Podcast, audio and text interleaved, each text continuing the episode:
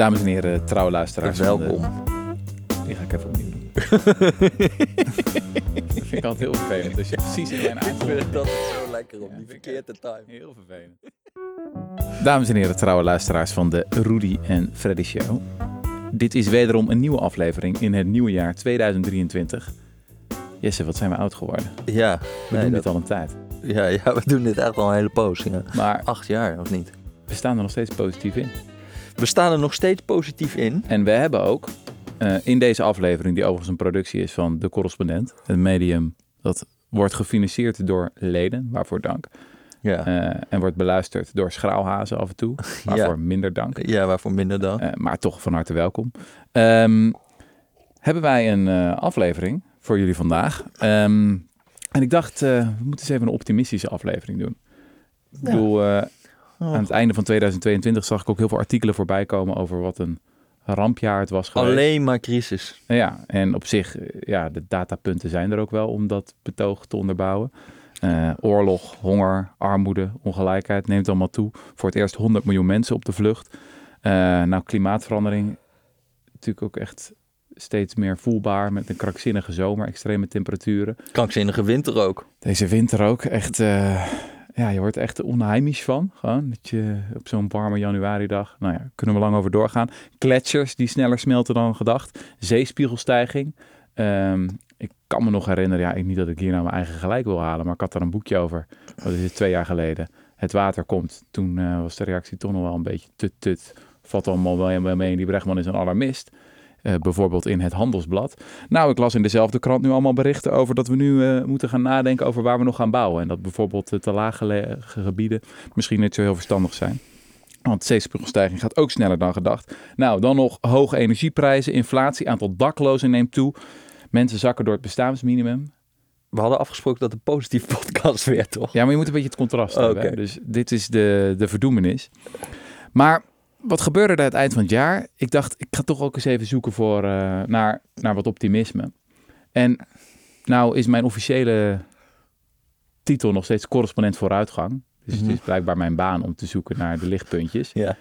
En toen kwam ik op een artikel van, hoe heet het, de website Future Crunch. En die hadden een, een, een soort van lijst gemaakt van 99 hoopvolle nieuwsverhalen die je waarschijnlijk had gemist. Oh, En ik moet eerlijk zeggen dat ik behoorlijk versteld stond van die lijst. je had ze inderdaad gemist. Ja, en toen dacht ik van, oké, als zeg maar mijn baancorrespondent vooruitgang is en ik heb dit gemist, ja, dan, dan zullen wel meer mensen ze gemist hebben. Nou, kom Maar ik, werd- ik werd wel heel vrolijk van dat, van dat lijstje en wat er allemaal, wat er allemaal in stond. Ja. Eh, vooral als het gaat gewoon over mondiale lange termijnsontwikkelingen. Ik bedoel, veel luisteraars van de podcast zullen ook wel Hans Rosling kennen, de Zweedse statisticus die een tijdje geleden is overleden. Mhm. En die altijd dan zei van, eh, de wereld is bad, maar it's getting better. Mhm. Eh, en trouwens, gegeven de mogelijkheden die we hebben, zou het ook nog veel beter moeten. Maar ja, er zijn gewoon wel echt heel veel mooie statistiekjes en cijfertjes die gestaag de goede kant op gaan. Mhm. Ehm, eh, dat doet ook denken aan een boek dat ik las, een beetje aan het begin van mijn journalistieke carrière, Getting Be- Better, van Charles Kenny. Ik weet niet of je hem kent.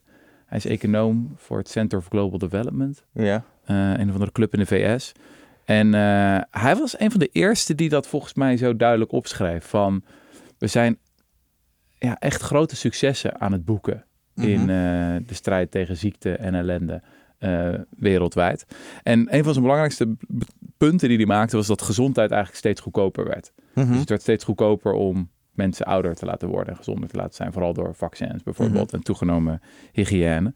Ehm, en zo was ook dit jaar, of afgelopen jaar moet ik zeggen, 2022 was de laagste kindersterfte die ooit gemeten is. Mhm. Wat wel redelijk fantastisch is, toch? Ja, ja, zeker. Het is zo bizar altijd als je dat soort historische statistiekjes bekijkt. Dat in het 19e eeuwse Duitsland ging één op de twee kinderen dood. Ja, dat is echt volkomen krankzinnig, ja. In 1950 wereldwijd was het nog één op de vijf. Ja, ja, ja, ja, ja. Het zijn echt zulke absurde Ja, statistieken. Nou, nu is het dus 4% de mondiale kindersterfte. Ehm, nog nooit zo laag geweest, nog steeds veel te hoog. En sommige gebieden natuurlijk ook heel hoog. Maar wat is nou de grootste killer van kinderen onder de vijf? Dat is malaria. oké. Nou waren we al behoorlijke vooruitgang aan het boeken in de strijd tegen malaria. Dus in 2005 gingen er, ehm, wat is het, ongeveer 3000 kinderen dood aan malaria per dag. Mhm. En dan heb ik het over peuters, hè? dus echt onder de vijf. Dat zijn zeven jumbo-jets vol. Mhm. Zeven van die vliegtuigen moet je voorstellen dat je die ziet crashen. Dat elke dag. Nou, dat is malaria in 2005. Inmiddels zijn dat er vier. Mhm. Nog steeds afschuwelijk, maar behoorlijk forse vooruitgang dus. Hoe hebben we die vooruitgang geboekt? Met echt super eenvoudige, simpele technologie, namelijk bednetten, klamboes. Met insecticide geïmpregneerde klamboes. Mhm. Ehm, en dat is gewoon een vrij overdonderend succes geweest door partijen als de Global Fund. Daar doneert Nederland ook aan. Dat is een grote ja, club die zit in Genève, die geven hier heel veel geld voor. En dan heb je nog de Amerikaanse overheid, de Britse overheid en de Against Malaria Foundation. Daar hebben we het in de podcast ook wel eens over gehad. Die ook Mhm. enorm veel van dit soort eh klamboes heeft gefinancierd. Ehm, maar wat was nou het grote nieuws dit jaar? Voor ja, het eerst vaccin, toch? in de geschiedenis hebben we echt een goed werkend malaria-vaccin van 80% effectiviteit. En de experts zeggen nu ook van, ja, het, het is nu echt denkbaar dat we deze ziekte gaan uitroeien. Ja. ja. Dit is een van de grootste killers in de wereldgeschiedenis. Tim Harford, zo'n econoom, die had een podcast erover, waarin een, een, eh, de schatting was dat ongeveer 4 tot 5 procent van alle mensen die ooit geleefd hebben, zeg maar Eva, ja, ja, ja. die zijn doodgegaan aan malaria.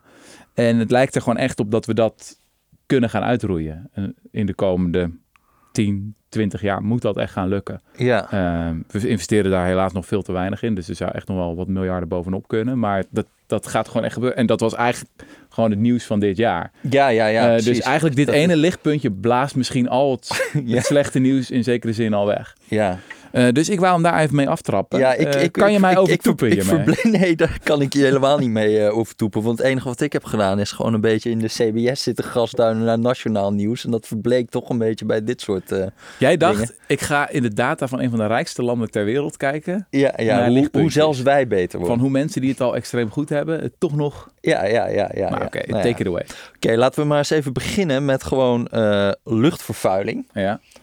Dus eigenlijk zie je gewoon dat eh, onze economische activiteit gewoon met steeds minder luchtvervuiling gepaard gaat. Dus Mhm. al- het Planbureau voor de Leefomgeving die heeft op een rijtje gezet van eh, eigenlijk de grote stoffen van hoeveel dat allemaal is gedaald. Als je dan kijkt, stikstofoxide.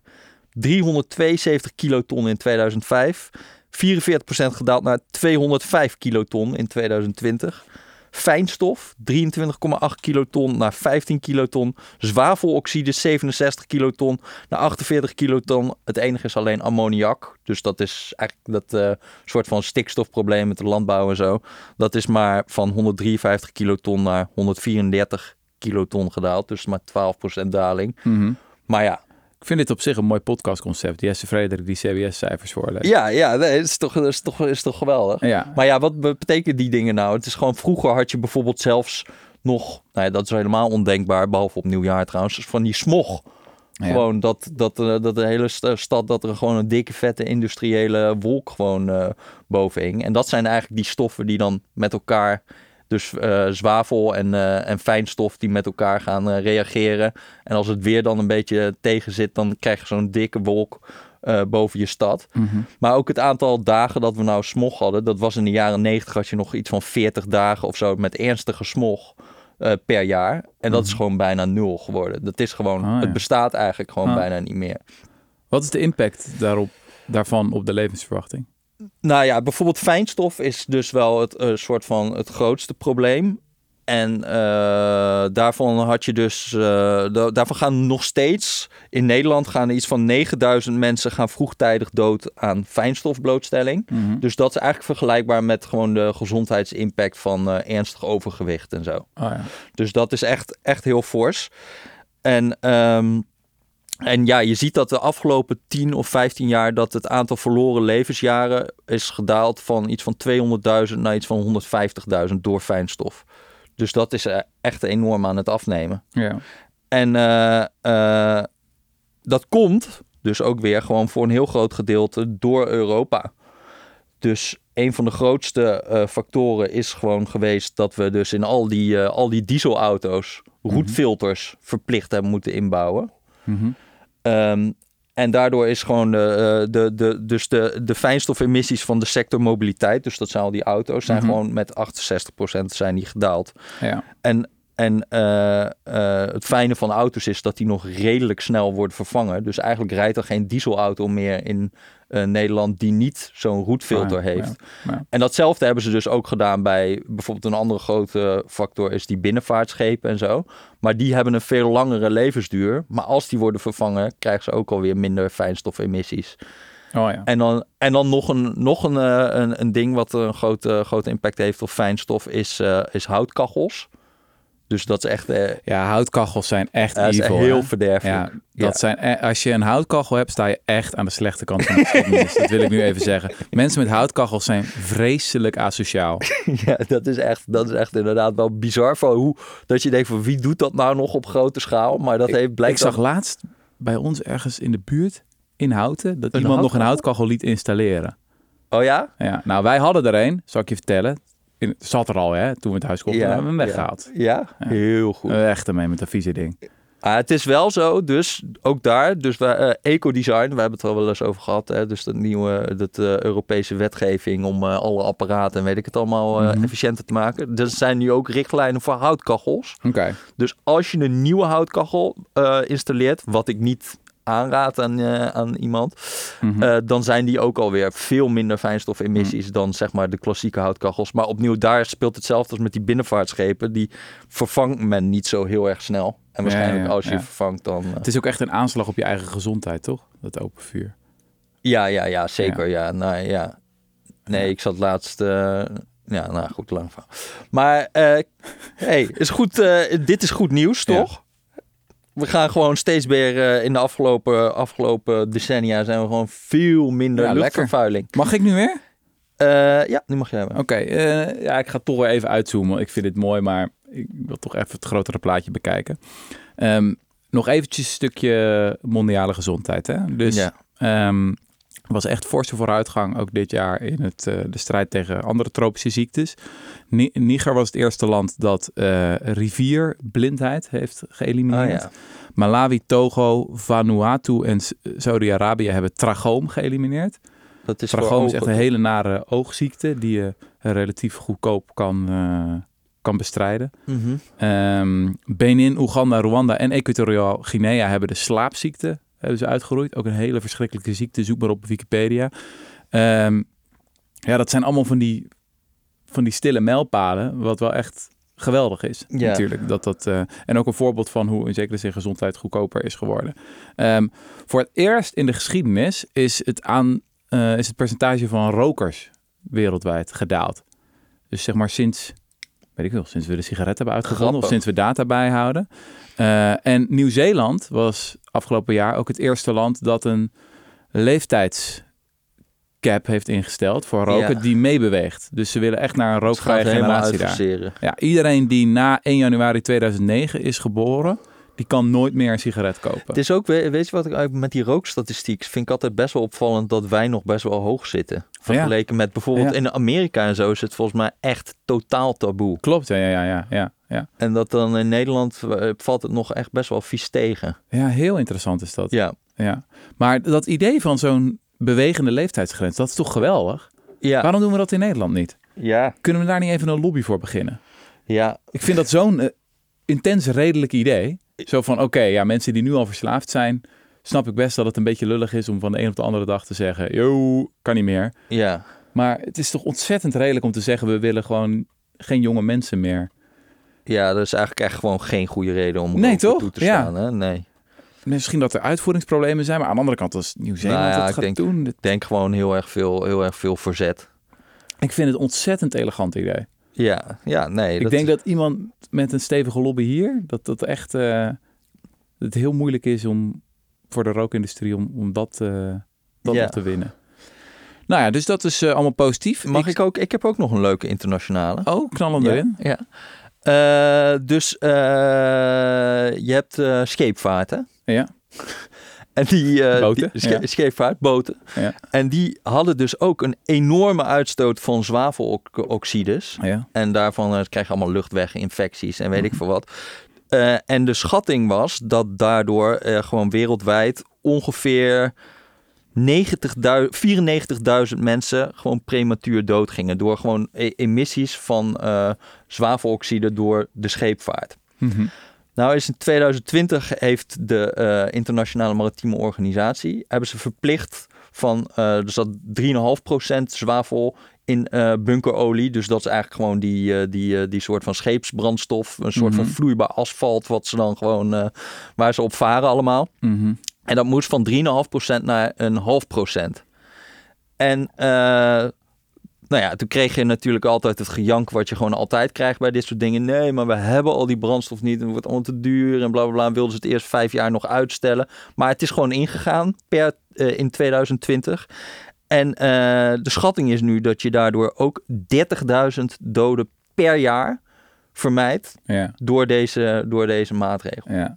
Het Ja, zijn s- altijd dit zijn allemaal van die dingen dat je echt denkt van... En oh ja, in de, in de EU gaan ze nu nog extra ver. Dus de hele Middellandse Zee wordt als een soort speciaal gebied aangewezen... waarin ze nog maar 0,1% zwavel mogen. En daarvan schat ze ook dat het duizend doden per jaar gaat schelen. Hm. Ja, Hoe moet ik me dat soort doden nou voorstellen? ja, het zijn wel, dat is wel echt een soort van flauw ding van als je zegt premature doden, dan klinkt het, het zijn vaak 70-jarigen en hele jonge mensen, dus dat moet wel gezegd worden. Maar het zijn va- vaak mensen die inderdaad eh, toch al heel zwak zijn. Mhm. Goed, datzelfde kan je zeggen voor corona natuurlijk. Maar die sterven dan aan... Dus eigenlijk Aan kan je het beter in anders. levensjaren uitdrukken dan in, eh, dan in doden. Ja, Maar die, die cijfers heb ik hier niet staan, sorry. nee, nee. nou, en vooral ook meer gezonde levensjaren. Ja, ja, gezonde levensjaren. langer Want te dat is leven, maar het is vooral leuk om ook nog een enige gezondheid langer te leven. Ja, want het veroorzaakt ook astma en, eh, en, en vooral bij kinderen en zo. Ja. Ja. Dus, dus eh, Nee, want dat is natuurlijk met heel veel van dit soort mondiale gezondheidsstatistiekjes van... Ja, je wordt een beetje weggeblazen door de abstractheid daarvan. Ja, honderdduizend levensjaren daar en daar nog wat kwalies en daar nog wat dalies, weet je wel. ja, De schaal is vaak enorm, maar het is lastig om het tastbaar te maken soms voor mensen. Nou ja, dat snap ik. Maar 30.000 is gewoon heel veel, hè? Voor één zo'n... Do- ja. Nou, heb ik Bertrand Russell al wel eens geciteerd in deze podcast? nee. Van the mark, nou, ongetwijfeld. the mark of a civilized mind is to look at a row of numbers and weep. Oh, zo. Dat is mooi, hè? Ja, dat is mooi. Oké. eh, oh ja, en trouwens, ze gaan per dit jaar moeten ze ook eh, veel minder CO2 uitstoten, al die schepen. Eh, maar dat kunnen ze helemaal niet, want het is, eh, of dat kunnen ze niet omdat die, zeg maar, de technologie voor, voor eh, om, om zeg maar, zonder CO2-uitstoot te varen is er eigenlijk niet. Dus eigenlijk moeten ze nu allemaal langzamer gaan varen, want dat is de enige manier hmm. waarop ze dat nog gaan halen. Dus we Hmm. krijgen gewoon straks een heleboel eh, langzaam varende schepen. Minder snel onze troep uit China. Ja. Oké, ehm, even over duurzame energie. Hè? Ehm, het is natuurlijk heel vaak heel paradoxaal. We zagen dat ook eh, met de oliecrisis in de jaren 70. Ik zat er net een podcast over te luisteren. Dat dat een enorme boost heeft gegeven aan de ontwikkeling van zonne-energie. Mhm. Juist omdat energie een kwestie van nationale veiligheid werd. En dat is natuurlijk in 2022 ook gebeurd. Eh, in dat stuk wat ik, eh, wat ik net noemde stond... Vladimir Putin arguably did more for the climate than any individual in human history. by turning clean energy into a national security issue. Yep. En toen dacht ik, ja, er zit echt wel wat in. Ja. Ehm, er was een voorspelling van het Internationaal Energieagentschap een paar maanden geleden. En die zeiden dat er 76% meer groei van hernieuwbare energie is dan we nog maar twee jaar geleden dachten. Dus het gaat echt krankzinnig snel. Ja. Het wordt nu nog verder versneld natuurlijk door de eerste grote klimaatwet in de VS. Mhm. Uh, in 30 jaar eigenlijk. Uh, ik bedoel, het was eind jaren 80. Wij waren net geboren toen James Hansen, de klimaatwetenschapper, voor het eerst getuigde voor het congres over van het broeikaseffect is real. Mhm. En sindsdien, ja, is eigenlijk, uh, wel, gebeurde daar eigenlijk geen ene klap op federaal niveau. Mhm. En nu een enorme klimaatwet, die, hoe hebben ze dat noemen? De Inflation Reduction Act. Ja, ja, ja. ja. het is gewoon een klimaatwet.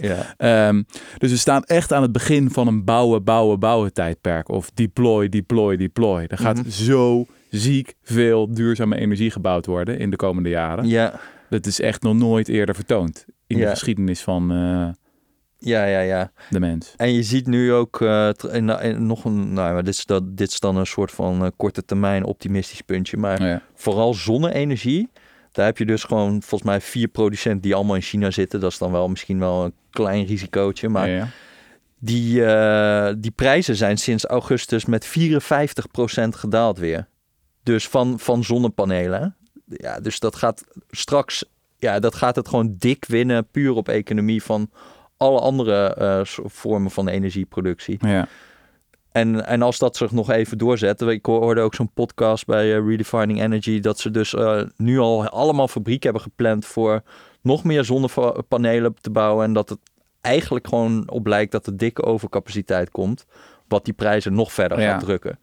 Dus wat dat betreft eh, is het gewoon een behoorlijk optimistisch verhaal Ja. over eh, vooral zon. Ja.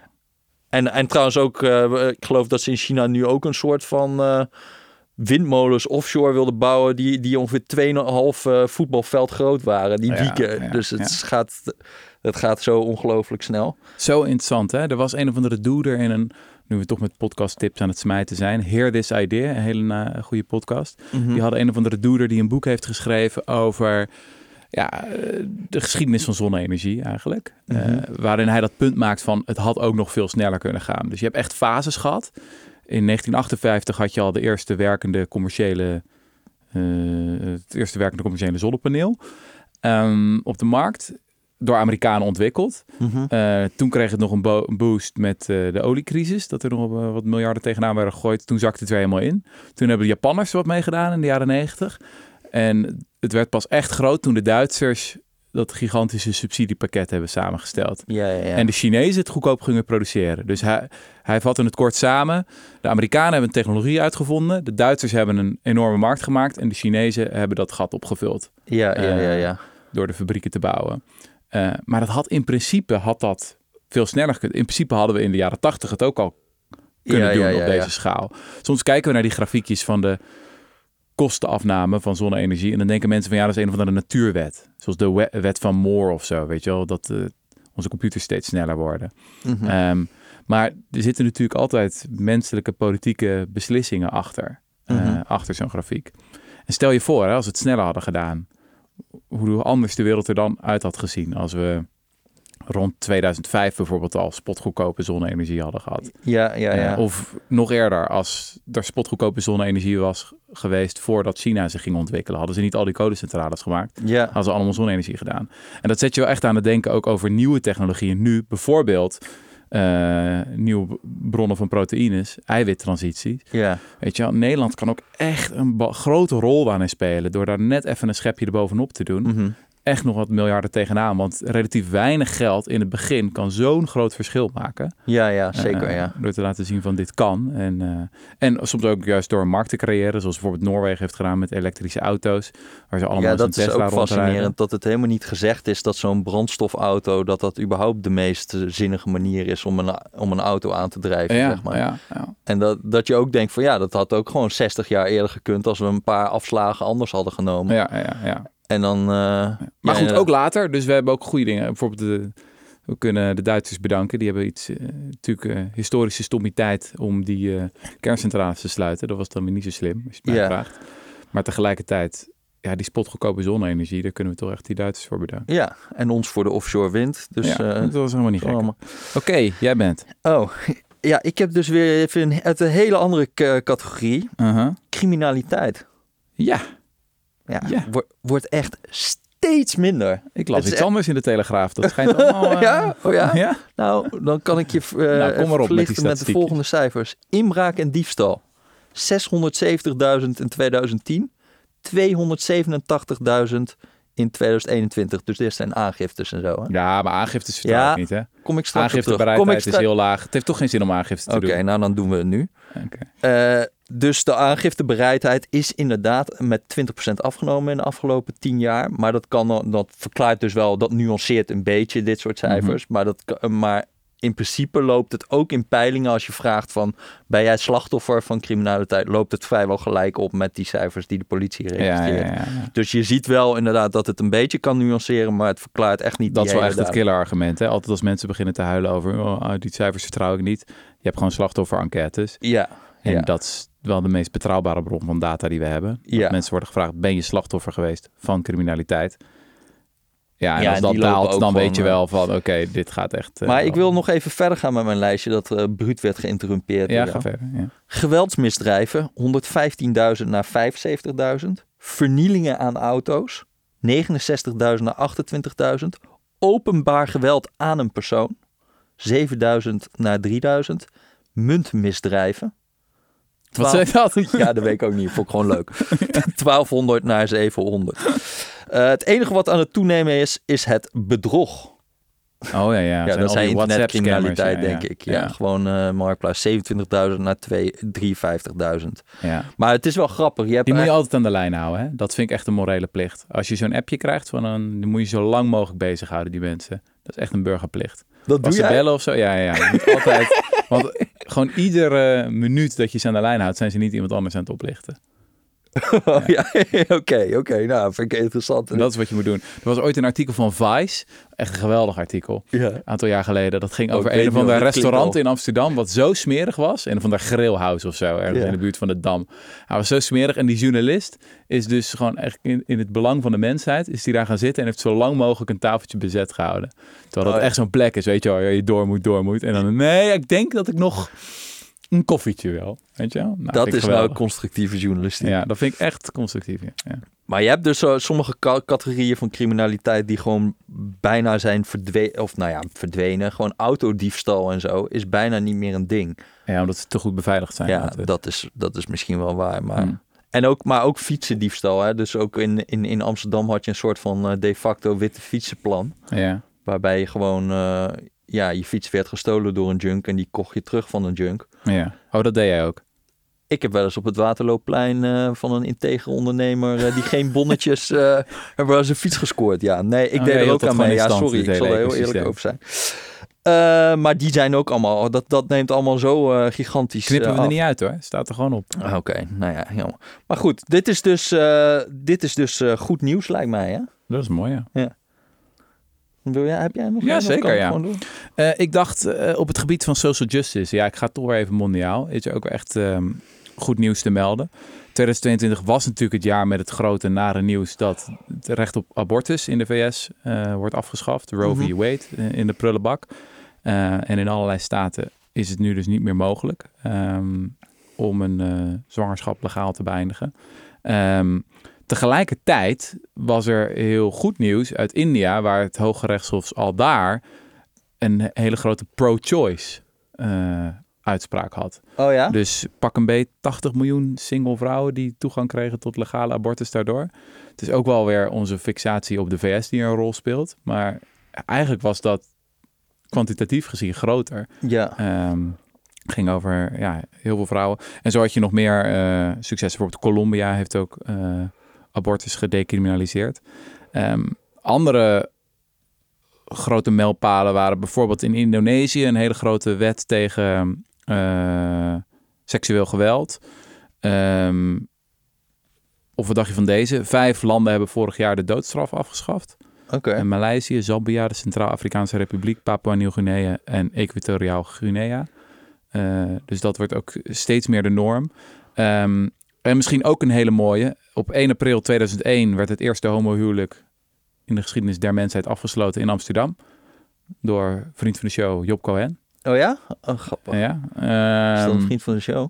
nou, bij deze. Job, als je luistert. Eh, en vorig jaar was Slovenië het 31ste land dat ook het eh homohuwelijk heeft gelegaliseerd. Eh Cubanen hebben er ook voor gestemd eh, in een referendum.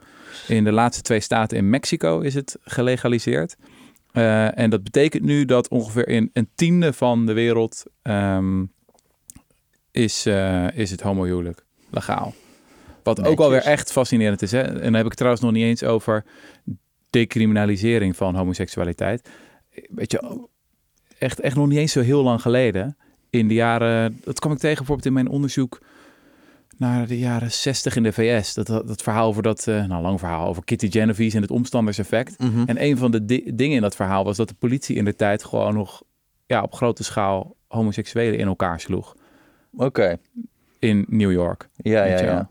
En ja, dat is ook zo'n Ja, en, je, en die Alan zoveel Turing toch? Gewoon na, vlak na de Tweede Wereldoorlog gewoon chemisch gecastreerd omdat hij homofiel was nadat hij de nazi-codes had gekraakt. Dat ja, is ook ja, lekker. ja. Een van de grootste helden eigenlijk van Groot-Brittannië in de Tweede Wereldoorlog. Ja, ja, ja. zo ja. behandeld, ja. Dat is echt eh, ook weer soms makkelijk om te vergeten van hoe snel en hoe geweldig die... Dat is ook altijd in die peilingen in de Verenigde Staten over gewoon acceptatie van eh, homofilie. Weet je, dat is gewoon een heel, heel in, volgens mij bij George W. Bush, dat je nog de Defense of Marriage Act had en zo. En Ja. dat het allemaal echt een heel ding was. Ja. Maar dat is gewoon ook in peilingen zie je dat, dat, dat daar een totale culturele omslag is gekomen. ja, en dat het gewoon echt. Ja. Ja, bestaat natuurlijk nog wel dat het echt nog niet vo- volledig is geaccepteerd. Ja. Maar er is nu wel dikke meerderheden die daar gewoon eh, Ja. die dat gewoon accepteren. Nee, de, de hele wereld is gewoon steady meer woke aan het worden, om het, om het heel simplistisch Ja. te formuleren. Je hebt dat ook in acceptatie van interraciale huwelijken. Oh ja, zwart, dat is ook. zwart en wit. Dat is ook echt, dat was heel laag in de jaren 50. Was het- nu is dat eigenlijk gewoon volstrekt de norm, vindt iedereen prima. Ja, Ehm, dat is toch weer altijd de oude les van vroeger was alles slechter. ja. Van ja, vandaag hebben we vreselijk racisme, homofobie. En dat zijn echt enorme problemen waar we tegen moeten blijven strijden. Maar het was echt nog slechter vroeger. En dat, dat is niet om de huidige problemen te relativeren, maar het geeft wel hoop. Ja, ja, ja. Van ja, het heeft zin om er tegen te strijden. We boeken echt progressie. Ja. Ehm, dus dat eh, vond ik nog een paar mijlpalen. Mag ik dan ook even een lofzang op de immigratie en de integratie houden? Ja, dat is altijd een mooie. Ja, ja, in Nederland. Hè? Want eh, ik denk dus. eh, of ik, ik vind ook altijd gewoon het de toestaan van dat er zoveel mogelijk mensen hier kunnen wonen, is eigenlijk een van de beste dingen die wij kunnen doen voor, ja, voor de wereld. Ja. En, en, en ik, Waarom? Nou, omdat, eh, ik bedoel, dat, dit zegt niet alles. Hè? Maar la- neem, neem bijvoorbeeld eh, eh, al, al die gastarbeiders die hier zijn gekomen uit Marokko. Mhm. Als je nu kijkt van, dus, dus er was laatst een, een, een, een pre-advies van de Koninklijke Vereniging voor de Staatshuishoudkunde. Ja, dat zijn gewoon economen. Mhm. En die hadden gekeken naar gewoon intergenerationele inkomensmobiliteit. Dus wat verdienen mensen met een migrantenachtergrond, wat verdienen de ouders, wat verdienen de kinderen. Mhm. En als je dan ziet, dus dan vaders en moeders met een Marokkaanse achtergrond, Mhm. die bevonden zich gemiddeld in het 15e percentiel van de inkomensverdeling. Dus dan ben je bij de armste 15 Mhm. Hun kinderen zitten al in het 32e percentiel, dus die Mhm. gaan al eh, omhoog. Maar als je dat dan nog gaat, maar er zijn nog steeds heel erg best wel forse verschillen. Dus autochtonen zitten gemiddeld in het 51ste Ja. percentiel. Maar als je nou gewoon kijkt, het gemiddeld inkomen van die kinderen van, eh, van eh, Marokkaanse gastarbeiders, dat is 25.000 euro. Mhm. En het eh, BBP per capita in Marokko is 3000 euro. Ja. En ik denk dat als, als we het dan, dat is het gemiddelde daar dan Mhm. nog. En als je dan nog hebt over mensen in het Rifgebergte en weet ik nog wat. veel lager. Nu zegt inkomen natuurlijk echt niet alles. Maar ik denk dat de, de stap die je mensen kan gunnen, zeg maar van als je in Nederland al bent geboren eh, en je klimt op in de inkomensladder, dan kan dat echt wel wat betekenen. Maar het is De stap nooit. van 3 naar 25 is wel echt groot. Op een gegeven moment houden Ja, van- van- is het natuurlijk van, Niemand is in Nederland Ja. 3000 euro eigenlijk. Nee. Dus wat dat betreft ja. is gewoon een soort van die, die stap in welvaart die mensen dan krijgen door, door immigratie is zo totaal gigantisch. Ja. Dat dat, eh, eh, ja, Het is ook echt belangrijk om hier te vermelden dat dit soort cijfers zijn gecorrigeerd voor koopkracht. Dat is heel vaak hoor ik dat als ik dan zeg van 85% van de wereldbevolking leeft van minder dan 7 dollar per dag. Dan zeggen mensen ja, maar je kan heel veel doen met 7 dollar in de Mhm. Centraal-Afrikaanse Republiek. Nou, het antwoord is dit is gecorrigeerd voor koopkracht. ja, ja, Dus ja. het is echt het equivalent van met 7 dollar of, of euro per dag in Nederland leven. En inderdaad, als je dan niet kan voorstellen hoe je overleeft, dan komt dat omdat wij niet zulke crappy producten verkopen. ja. Dus je kan niet in Nederland een huis van golfplaten kopen. Dat zou op zich een heel goedkoop huis zijn. ja. Maar wij vinden het zo inferieur en niemand koopt dat soort troep. Dat het Ja. hier niet op de markt is.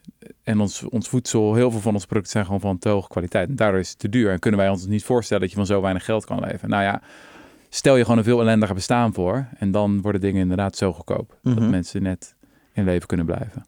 En er is dan nog meer optimistisch nieuws te melden. Of dus dus, dus wat, ze, wat ze ook in die studie dan zeggen over die eh, inkomensmobiliteit. Van dat die verschillen die er nog zijn tussen eh, eh, Marokkaanse kinderen en mensen met een au- autochtone achtergrond. voor een heel groot gedeelte dus samenhangen met verschillen in het onderwijsniveau. Mhm. En als je dan nu kijkt naar ehm eh, soort van eh, hoe, hoeveel hoger onderwijs of hoe eh, eh, mensen, kinderen met een Marokkaanse achtergrond volgen, dat is Mhm. enorm aan het toenemen. Dus in 2006 was 19,8% van de kinderen met een Marokkaanse achtergrond deed HAVO of VWO in jaar drie. Hm. En inmiddels is dat 37,6%. Dus dat is in 15 jaar tijd, waarbij trouwens Marokkaanse vrouwen het ook nog veel beter doen dan Marokkaanse jongens. Mhm. En volgens mij is dat trouwens nog iets wat echt enorm waardevol is. Vooral als je dus een Marokkaanse vrouw bent. Als je hier komt, volgens mij heb je dan veel en veel meer kansen dan als je in Marokko woont. Ja. Ja. Dus die integratiemachine werkt eigenlijk gewoon best wel goed. En nou ook hetzelfde als met, met, met, met, met dingen als criminaliteit en zo. Hè? Ik bedoel, er is al, al, al heel lang eh, natuurlijk dat we daar heel pessimistisch over zijn. Ja, Marokkaanse jongeren zijn veel criminelen. Wat ook echt zo is. Mhm. Maar daar zie je ook dat het aantal ver- verdachten per 10.000 inwoners is in de afgelopen 15 jaar van 739 per 10.000 van, met, van Mhm. mensen met een Marokkaanse achtergrond naar 300 gegaan. Ja, Dus daar is ook een gigantische daling eh, vindt daar plaats. ja. Overigens, wat ook interessant is, is dat daarbij dus als je die eh, slachtoffer-enquêtes ziet, Mhm. dat eh, mensen met een Marokkaanse achtergrond ook veel vaker slachtoffer zijn van criminaliteit dan Ah, ja. mensen met een autochtone achtergrond. Ja, ja, ja. Want dat gebeurt dan in specifieke buurten. Ja, ja, ja. En, en dus de afgelopen paar jaar, wat ook eh, heel erg, eh, dat komt ook door die totaal oververhitte arbeidsmarkt nu. Maar de netto ar- arbeidsparticipatie van Marokkanen was in 2013 55 procent. En is nu 69,4 procent. Ja. Dus 69,4 procent van al iedereen met een Marokkaanse achtergrond die werkt. Ja. En dat is ook dus, ja, dat is een gigantische toename. Ja, dat is ook zo'n bizarre verandering, hè? Toen wij begonnen in de journalistiek, weet ik nog dat je altijd van die stukjes schreef over van ja, het is, al, het is gewoon zinloos. Al die, eh, dat noemen ze dan, eh, wat is het, activerend arbeidsmarktbeleid. Ja, ja, ja. We gingen cursussen geven aan werkloze mensen. Maar ja, als je gewoon veel meer werklozen hebt dan vacatures, dan slaat het nergens op. En dat grafiekje deelde je toen altijd in je stuk. Ja, ja, maar dit is, dit is leuk dat je het zegt, want ik heb het hier nog staan inderdaad. Eh, dat was dus dat die VNO-NCW-voorzitter van die eh, Hans de Boer, eh, Ja. God hebben zijn ziel, die, die zat toen te klagen over Ja, ja, en. Waarom, waarom gaan mensen niet aan het werk? Nou, derde kwartaal 2013, 782.000 werklozen en 95.000 vacatures die open stonden. Ja. Dus dat zelfs als ze werk wilden, dan kon het eigenlijk gewoon totaal niet. Want die, die sluiten gewoon niet op elkaar aan. Dan is er nu eigenlijk voor het eerst iets wat niet is vertoond sinds die statistiek wordt bijgehouden, sinds 2003, zijn er veel meer vacatures dan werklozen. Dus nu heb je 327.000 werklozen en 446.000 vacatures. Ja. Dus zal het niet allemaal matchen natuurlijk. De werklozen zullen lang Nee, niet nee, absoluut niet. Nee, dus dat matcht ook niet. Nee. Maar, maar ik bedoel, het punt alleen al dat je 446.000 vacatures hebt. Dat is gewoon, eh, ja, dat is ook gewoon zo, zo, zo hoog. En Ja. dus de arbeidsparticipatie ook, is ook voor iedereen is gewoon inmiddels veel hoger. Ja. Hoog, hoogste niveau ooit. Ja. En mid jaren 80 was het bijvoorbeeld nog 55% voor iedereen. Hè? Mhm. Eh, en nu is het 73,5%. Dus Hm. veel, veel meer mensen die aan het werk zijn. Hm. Ja, heb jij nog wat? Of, eh, kan... Ja, ik dacht toch nog even het kopje technologie, want dat blijft toch de grote basis van vooruitgang. Ehm, als we weer even teruggaan naar het jaar 1800. Vrijwel iedereen wereldwijd was arm, hongerig, bang, ziek, dom en lelijk. Dat is een beetje de natuurlijke Nou, nou toestand van, eh, van de mens. Dus de historicus, ja. Eh, en dat is natuurlijk in, in eerste instantie radicaal veranderd door de ontdekking van fossiele energie. Dat Ja. zoveel, ja, vooral spierkracht van voornamelijk dieren konden vervangen door eh, het verbranden van eh, dit soort fossiele brandstoffen. Mhm. Eh, al die paarden die ineens werkloos werden. Je hebt ook wel eens verteld in de podcast over de paarden die heel Londen aan het onderscheiden en New York aan het onderscheiden waren. Nou, dat hoefde niet meer, want we hadden de auto. Ehm, ja, dat blijft toch zo de basis van vooruitgang. Nou ja, en als je dan nadenkt over de enorme doorbraak in zonne-energie, maar ook natuurlijk, wat ook voor, we hebben het al eerder over gehad, de doorbraak in kernfusie, dat wellicht eindelijk gaat gebeuren. Ja, dat zou eh, de, de basis voor de utopie van de toekomst kunnen leggen natuurlijk. Mhm. Nou hebben we al een, ehm, een vleugje daar ook van gehad, denk ik. eh, dit jaar. Want dat was misschien nog wel de... Als ik zou mo- moeten kiezen, denk ik dat ik dit zou het allerbeste nieuws van 2022 zou noemen. Wow. Of misschien in ieder geval in de top drie. Eh, voor het eerst is kweekvlees toegestaan op de Amerikaanse markt. Oh. En ik heb wel echt hoop dat dat een einde gaat brengen aan ook de grootste misdaad die we aan het plegen zijn. En namelijk de bio-industrie. Mhm. Eh, volgens mij is dat een enorme mijlpaal. En ik hoop heel erg dat het gaat lukken om dat, eh, om dat op te schalen in, de, Mhm. in de komende jaren. En dat we dan zullen zeggen van ja, in 2022 was het voor het eerst. ja, Ehm, daar was nou juist eigenlijk in 2022, als je gewoon keek naar omzet en zo, dat het helemaal niet zo lekker ging met al die Beyond Ja, eh, dat klopt, hè? Wel Ja, met, ja. Wel met eh, zuivel. Wat ik raar vind trouwens, want ik vind die zuivel echt veel goorder dan die, dan die hamburgers. ja, Maar, eh, maar dat, dat, daar, daar ging het in Amerika in ieder geval qua sales eh, helemaal niet zo goed. nee. Maar, Nou ja, goed. maar, Sorry. maar ik denk in ieder geval dat er nu genoeg momentum zit. En dat er al dat Ja, er zoveel in de pijplijn is. Er wordt ook zoveel in geïnvesteerd. Dat je toch. Israël had nu ook gewoon, ik geloof, honderden miljoenen of zo. Dat ze gingen te- te- tegenaan gingen gooien tegen die hele eiwittransitie. Ja. Daar, daar is het ook in- interessant, omdat het dus voor die kosher. eh, Oh, ja, dat, ja, dat je een soort van. eh, dat, ze, dat, dat, dat ze eigenlijk voor het eerst vlees zouden kunnen eten als het kweekvlees is. Omdat het dus. Dus daar zit ook een gigantische markt. Daar is sowieso, geloof ik, hoogste percentage vegetariërs in, is in Israël. Ja. En Ik ben er toch van overtuigd dat als het uiteindelijk goedkoper is en lekker, die twee dingen, dan gaat iedereen om. Ja, Dan ja, is het toch, weet je wel, mensen kunnen nog een beetje sputteren over, ja, maar er zitten te veel één-nummers in en het is, eh, weet ik veel, niet ja, goed voor mijn eh, gevecht, ja. chakra's. Nou ja, dat is echt totale achterhoedig vecht. Als het goedkoop genoeg is en vooral lekker, nou, goedkoop gaat al behoorlijk de goede kant op, ook omdat vlees natuurlijk veel duurder wordt. Ja, ja, ja. Maar dan is, het, eh, dan is het echt klaar. En daar moeten we trouwens ook nog een keer een podcast over doen. Daar heb ik ook nog een stapel eh, research voor liggen over de gruwels van de, van de, de Kippen. plofkippen. Ja. ja, als je je daarin gaat verdiepen hoe dat ja, daar is, word je eh, niet vrolijk van, hè? Nee, maar goed, dat is een ander verhaal. En dit is de vrolijke podcast. Ja. Ehm, ja, Ik heb mijn lijstje wel een beetje afgewerkt, Ja, ik ook bijna, maar ik Oké. wil nog een klein opleidingsfeitje. Oké, een eh, kom maar. onderwijsfeitje. lekker. Startkwalificatie, dus dat je minimaal een HAVO of VWO-opleiding of een basisberoepsopleiding, dus MBO Mhm. 2 hebt. Dus dat was eh, in 2003 had 18% van de 25 tot 35-jarigen geen startkwalificatie. Gedaald. 6,4% nog maar. Wow, dat is een Dat is ook een flinke daling. En ook weer een veel grotere daling bij eh, eh, eh, jongeren met een migratieachtergrond. Hm. Dus niet-westerse migratieachtergrond was het 44% in 2003. eh, mhm. En dat is nu nog maar 16%. Hm. Nog steeds hoger, maar het is wel gewoon een enorme daling weer. Zou diploma-inflatie hier nou ook een rol spelen? Dat we makkelijker diploma's uitdelen? Of dat Ja, dat zou- zijn geschroefd voor weet ik Ja. veel, het schrijven van een scriptie of zo? Het is altijd zo lastig aan dit soort cijfers natuurlijk. Dat je dat nooit helemaal... Ja, ja, nee, ja, dat weet ik niet. Ja, of dus dat het onderwijs allemaal veel slechter is geworden. Ja, ik, dat zou ook allemaal kunnen. En het nuanceert het misschien wel Ja. wat. Maar ik denk dat sowieso het, het afronden van, eh, van een opleiding op zich goed is. Het aantal schoolverlaters wat gewoon enorm aan het dalen is. Ja. Het is wel bizar dat je allemaal van die... Eigenlijk, ja, ik weet niet in hoeverre beleid hierop invloed heeft hoor. Maar je hebt allemaal van dat beleid over schoolverlaters gehad. Mhm. En ja, je kan toch wel gewoon kijken naar die cijfers en dan is er nog op zich wel iets gelukt. Ik weet Ja. niet of het dan per se met dat beleid te maken heeft. Maar het is wel grappig dat je daar eigenlijk nooit op terugkijkt. Ja, maar, als het maar- wel een maar- keer is gelukt. En het is toch best wel, eh, best wel belangrijk. Ja. Overigens ook nog van recente groepen vluchtelingen en zo. Dat je ook ziet hoeveel die nou... eh, eh, dat daar ook gewoon enorm veel successen zijn. Dus bijvoorbeeld vrouwen uit Afghanistan.